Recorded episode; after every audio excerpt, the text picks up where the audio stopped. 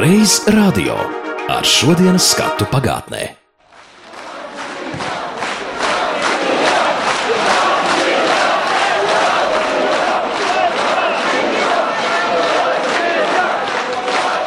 Tā pirms 25 gadiem, 1990. gada 4. maijā, skanēja ārpusē pie saimas toreiz augstākās padomas ēkas. Iekšpusē notika balsu skaitīšana. Viena minūte komisija ir beigusi skaitīt un uh, nāk uz šo pusi jau. Tā, atļaujiet uzsākt balsu skaitīšanas rezultātu nolasīšanu. Pirmais apgabals Andrejs Panteļējevs par. Otrais vēlēšana apgabals Ruta Marjaša par. Trešais vēlēšana apgabals Vilnis Eglājs par. Ceturtais vēlēšana apgabals Aleksandrs Kirsteins par.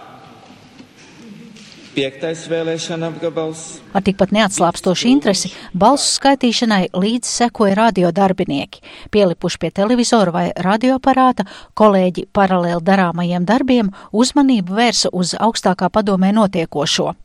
Labā atmiņā tā diena ir palikusi mūsu bijušajai skaņoperatorei Ilzei Aldrei. Ārzemju raidījuma redakcijā strādāju. Taisīja raidījumus, kurus sūtīja projām uz ārzemēm. Pienāca 4. mājas, mums bija ka bija jānodo raidījums, laikam, ja es nemaldos, līdz 4. pēcpusdienā bija jau jāsūta projām. Bija arī pieslēgušies pie tā sājuma toreiz. Bet mums tas jāsūta, jāzina to rezultātu, bet rezultāta vēl nav. Un tā blakus telpā mums bija eh, diktori, ja, un tur bija tas televizors, tur visi sēdēja, visi skaitīja, gaidīja tās balss. Un mēs tik rakstām, un man tas detektors galvenais bija un Ilziņš, viņš prastā, Ilziņš, kāds ir rezultāts? Un es ik pa minūtei skrien ārā. Tur jau balss tik un tik saskaitīts uz priekšu, bet vēl jau nav zināms, vai tas būs pieņemts vai nebūs tā deklarācija. Nāk pulkstenis četri un nav vēl nekas. Un viens ilziņš viņš saka, tā, mēs neko nevaram darīt. Es teikšu, ka pieņēmu. Es saku, bet vilni, bet ja nepieņem. Nē, kad jau būs labi, kad jau pieņems. Un tā aizgāja. Man liekas, ka pagāja minūtes desmit, nu mazāk varbūt, un pieņēma tiešām to deklarāciju. Eh, Ņemot vērā balsošanas rezultātus, divas trešdaļas mums vajadzēja 132 balss, ir 138 balss. Bet tagad līdz ar to lēmums ir pieņemts, bet tagad lūdzu, mēs tiešām šeit ir izsniegti. Daži tie, kas runāja, uzstājoties, teica, ka viņi ir diezgan publicistiski. Jā, viņi ir publicistiski. Viņi ir publicistiski šie dokumenti. Lūdzu, paņemiet rokās viņus. Un man liekas, ka mēs varētu Latvijas Republikās augstākās padomas deklarāciju par Latvijas Republikas likumdošanas. Kamēr augstākās padomas priekšsēdētājs Anatolijas Gorbunovs vēl informē kolēģis par pārējo dokumentu izskatīšanu, tauta ielās Gavilē. Tā diena vienai no radiodiktorēm Mārai Krontālei bija brīva, taču savu atbalstu neatkarības deklarācijas pieņemšanai Māra pauda mājās pie klavierēm. Todien man bija brīvdiena. Un uh, viss notikums es vēroju pa televizoru. Un tad, kad bija tas kulminācijas brīdis, tad man jāsāk ar tādu atkāpi, ka jau atmodas, jau gados manās rokās nonāca mūsu himnas, tāds klavieru pārlikums. Es gan neesmu nekāda lielā klavieru spēlētāja, un vispār nekāda neesmu, bet nu, to himnu es iemācījos. Jo mūsu māja, kā jau pieci stāv māja imantā, bija ļoti interfrontiska. Un es zinu kaimiņus visriņķī apkārt, kas bija ļoti pret Latvijas neatkarību. Un tai 4. maijā, kad sākās tā balsošana, un, un miliči, un grūstīšanās, un raudāšana, un viss tas apjukums, es nekā citu nevarēju izdomāt, kā es pilnā skaļumā, cik tik varēju spēlēt to Dievs svētī Latviju no viena gala līdz otram. Kā beidzās tā pēc brītiņa atpakaļ, jo es zināju, ka stāv zem manis, ir satikušās divas dāmas, kas arī vēro to pašu un kas ir ļoti satraukts, kas nu tagad būs. Nu, fonā es skatījos televizoru, kas tur notiek un spēlēju himnu.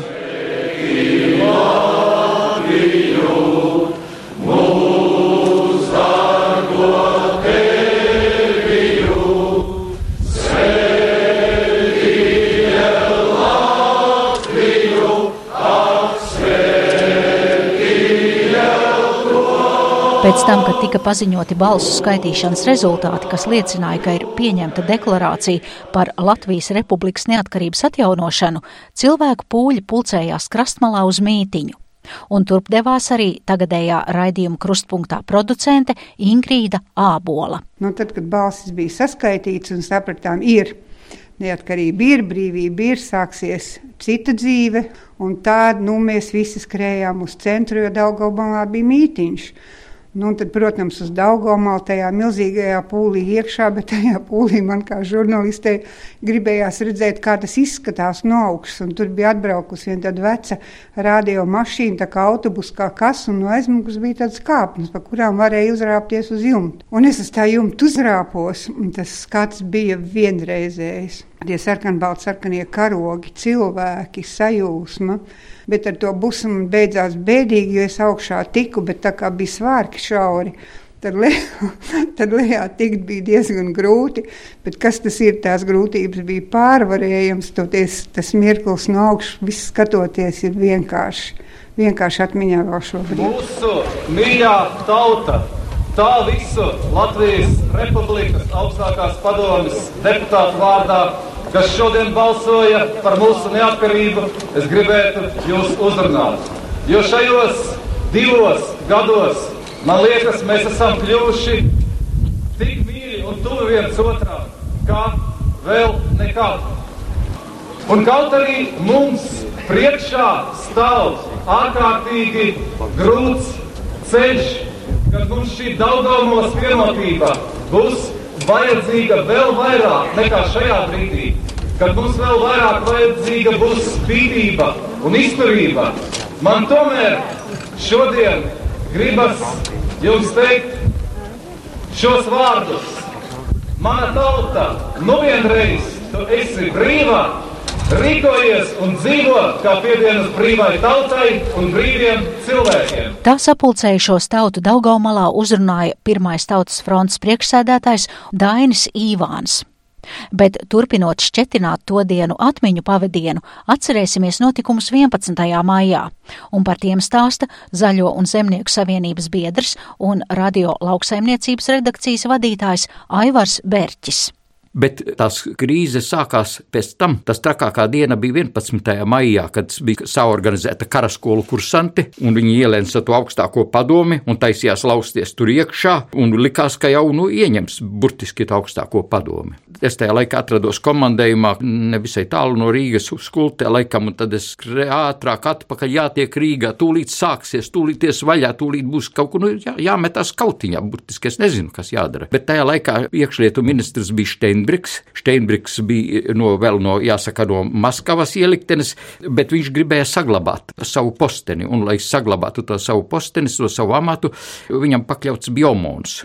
Tas pats Omons, kas vēlāk ieņēma šeit radiomā, un kas ir absolūti visi tie melnie darbi, ir viņu. Pēc pusgada vēlāk. Jā, pusgadu vēlāk, jā, bet jā. tajā laikā viņi klausījās Steinbrikam, un kad Steinbriks pavēlēja viņiem izklīdināt, tad viņi metās tiem karaskolu kursantiem virsū un nežēlīgi ar stekiem un, un ar vairogiem un parādīja, ko var izdarīt, un iztrenkāja, un viss bija tīrs. Kāda tolaik bija tā gaisotne radio mājā, jūs atceraties? Radio, nu, mēs kā sākām, viss radio bija absolūti tautas frontes kalpībā. Piln pilnībā. Nu, es izveidoju šo tautas frontes, varu palēpoties šo tautas frontes nodaļu.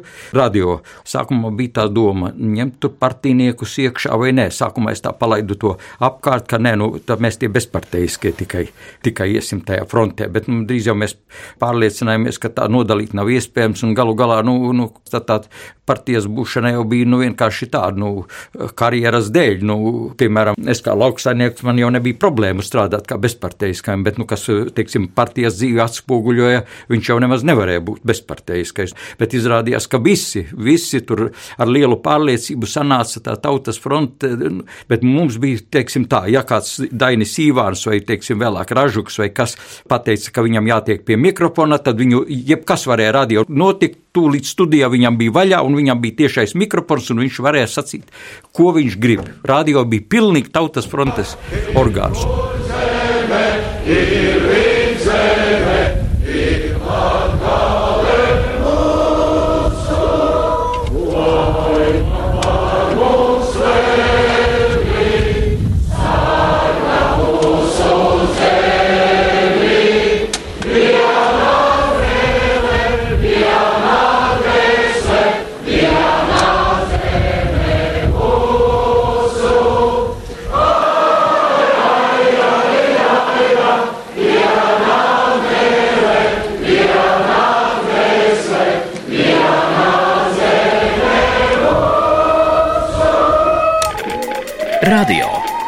elektromagnētisko viļņu raidīšana un uztveršana.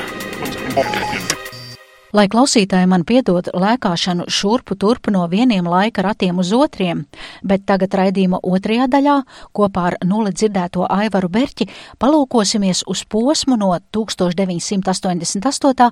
līdz 1989. gadam kad līdz ar trešo atmodu grupas Helsinki 86 ziedu nolikšanu pie brīvības pieminekļa, ar vidas aizsardzības klubu rīkoto lūkšanu pie jūras, ar tautas fronts dibināšanu un tautā vispopulārākā televīzijas raidījuma labvakar sākšanos, notika arī pirmais skaistuma konkurss Miss Rīga.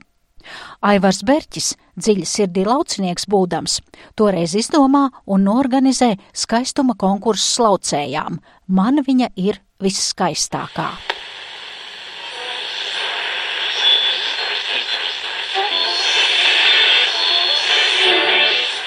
Tātad, kura būs šoreiz mana skaistākā? Šai reizei Rīgas rajona izvēlētās kandidātes divas māsiņas, Svetlana un Marina Agējevas no Sidgundas. Svetlanai 21, Marinai vēl tikai 18 gadu. Sarunu ierakstījām vecākās māsas dzīvoklī. Vedējmātes lomu veica Sidgundas galvenā zootehniķe, tātad klausieties ierakstu. Zootehniķa ir vārds un izvārds. Lonija Pozņaka. Kā tad jums vispār ir ar tām jaunajām meitenēm? Daudz tādu kā šīs te māsiņas. Tik jaunas tikai divas, bet mums ir tā līdz 30 gadiem 30%, nu, tā līdz 35. Jā. Mūsu paši bērni viņu, un mēs viņus nelaižam prom. Kur te nelaidāt, aizlaidāt uz fabriku? Un tikai atmānījāt atpakaļ. Tā. Viņas abas divas, viņas izmācījušās ir pa šuvējām, abas divas. Bet viņām labāk patīk lauki, viņa laukos dzimušas, laukos augušas un visu mūžu man palīdzējušas fermā. Tur ir sēdošs darbs, man tas nepatīk. Laukos ir tomēr labāk.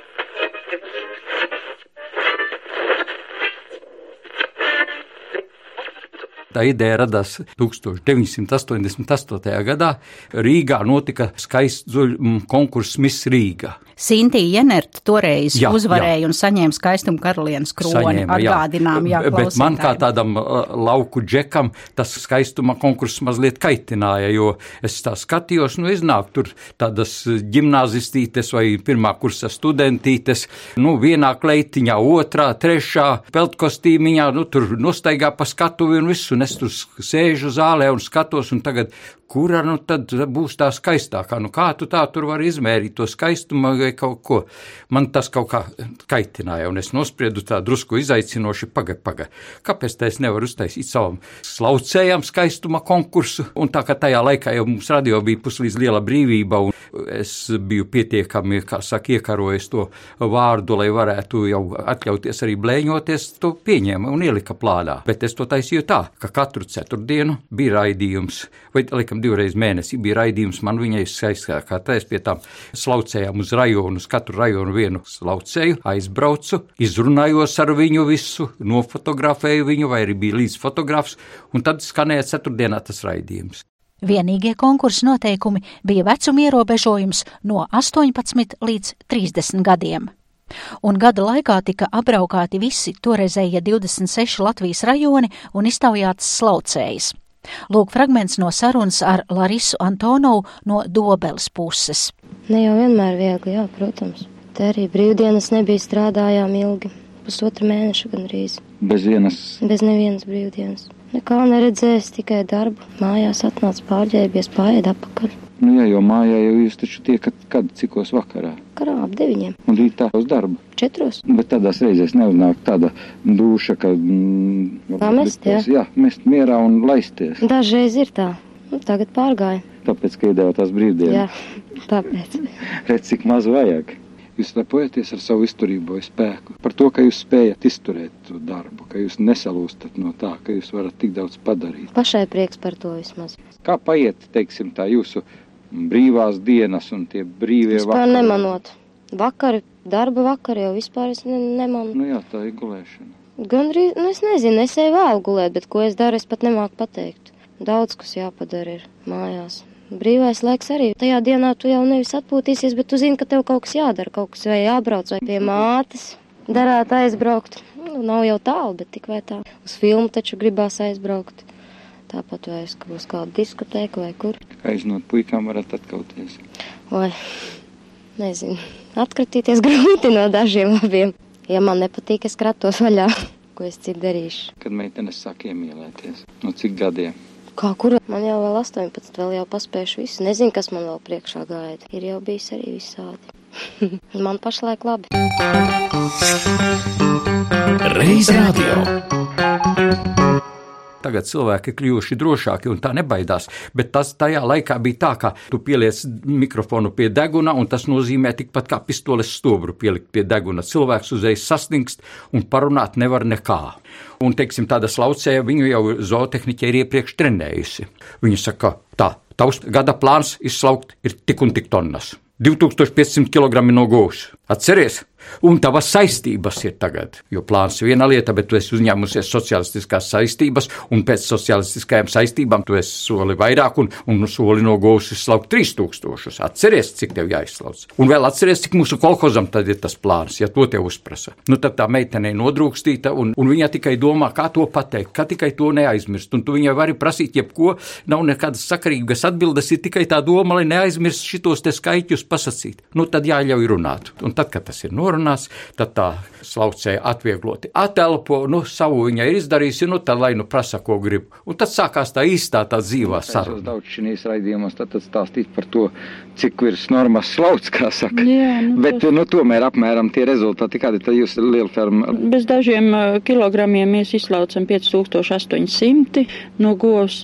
Nu, Laris grupa jau pārslauc pār pa 6500 šīs vecās slaucējas pēdās bet viņi iepriekš strādāja kopā arī ar šo slaucēju, un es domāju, ka daudz padomi ir tā slaucēja tiešām arī devusi, un, un Laris mamma arī, kā jau teica, strādā mm, par slaucēju un, un izlaukums e, iegūst turpat pie 6000 kg no gos. Un, Bet kā tad tolaik notika tas skaistuma konkurss par radio? Nu, tā tad par, par radio, nē, nu, fotografija bija ievietota Rīgas viļņos. Nu, Rīgas viļņos, protams, melnabēltā fotografija, tas tikpat kā pases bildīte, par to jau nekā nevar spriest.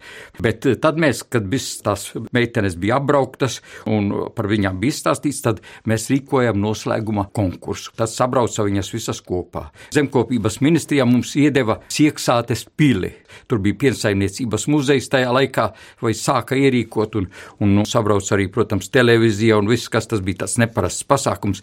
Un tad tām meitenēm mēs viņām noteicām sacensības sporta veidos divos. Kāpēc sporta veidos? Tāpēc, ka, nu, lai redz taču augumu, tad viņam jātajos, nu, sporta tērpos. Bet, nu, kādu sporta veidu, nu, kas tur uz vietas, tai sieksātes pilī var būt, nu, taču kāds vai basketbola laukums droši būs. Nu, bet aizbraucam, skatāmies, nav tur basketbola laukuma, bet ir tāds kaut kāds dīvains, tāds divas tādas stīpas, viena virs otras otras tāds dīvains veidojums, tā augšējā stīpa divus metrus apmēram virs zemes. Ā, nu tad mēs izveidojam tūlīt, ka tas būs ganību basketbols un jāmet pa gabalu tajā apli iekšā. Un otrais bija mums akvabrestings. Tā, un tagad man jālūdz tulkojums šim terminam akvabrestings. Nu, un tas arī bija zināmā mērā protests, ka mēs nosaucam to par akvabrestingu. Nu, ja jau jūs ārzemniecisko anglisko, tad mēs ar, bet tas bija akva ūdens un brest krūtis. Ūdens nešana uz krūtīm.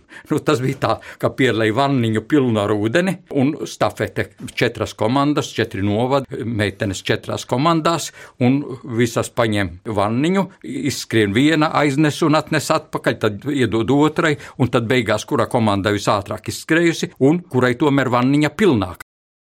Tad viņā bija jāklāj cienas galds, tad bija viņu rokdarbu izstāde, ko viņas atveda, ko no kuras izšūmus, adījumus un arī konservus, un, un tad bija priekšnesums, kur bija jādeklamē vai jārunā vai kaut kā tāds tās uzvedums, un pašās beigās bija deju konkurss. Un viens kolhoza prieksētais, tas stalts puisis, acīm redzot ļoti labs dejotājs, tas bija izraudzīts par to dancinātāju, un tad tas ar visām izdancoja pēc kārtas, un katrai ielika atzīmi.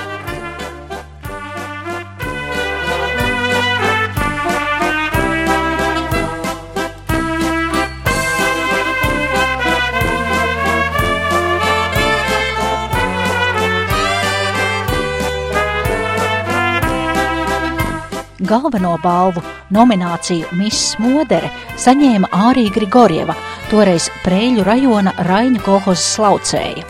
Starp citu, radioklausītājiem, interneta lietotājiem iesaku palūkoties mūsu radio mājaslapā pie šī raidījuma, kur esam izlikuši apskatēji dažas fotogrāfijas no minētā konkursa. Un, ja jūs atpazīstat kādu moderi, tad esat laipni aicināti uzrakstīt e-pastu vai komentāru par attēlā redzamajiem cilvēkiem, par konkursu noslēgumu, vai radiointerviju, vai vispārīgas atmiņas par tiem laikiem. Ar to arī skan šis reiz radio, un tajā 1990. gada 4. māja notikumus atcerējās Ilze Aldre, Māra Krontāle, Ingrīda Ābola, bet par skaistumu konkursu slaucējām stāstīja Aivars Berķis. Raidījumu veidoja Zane Lāce.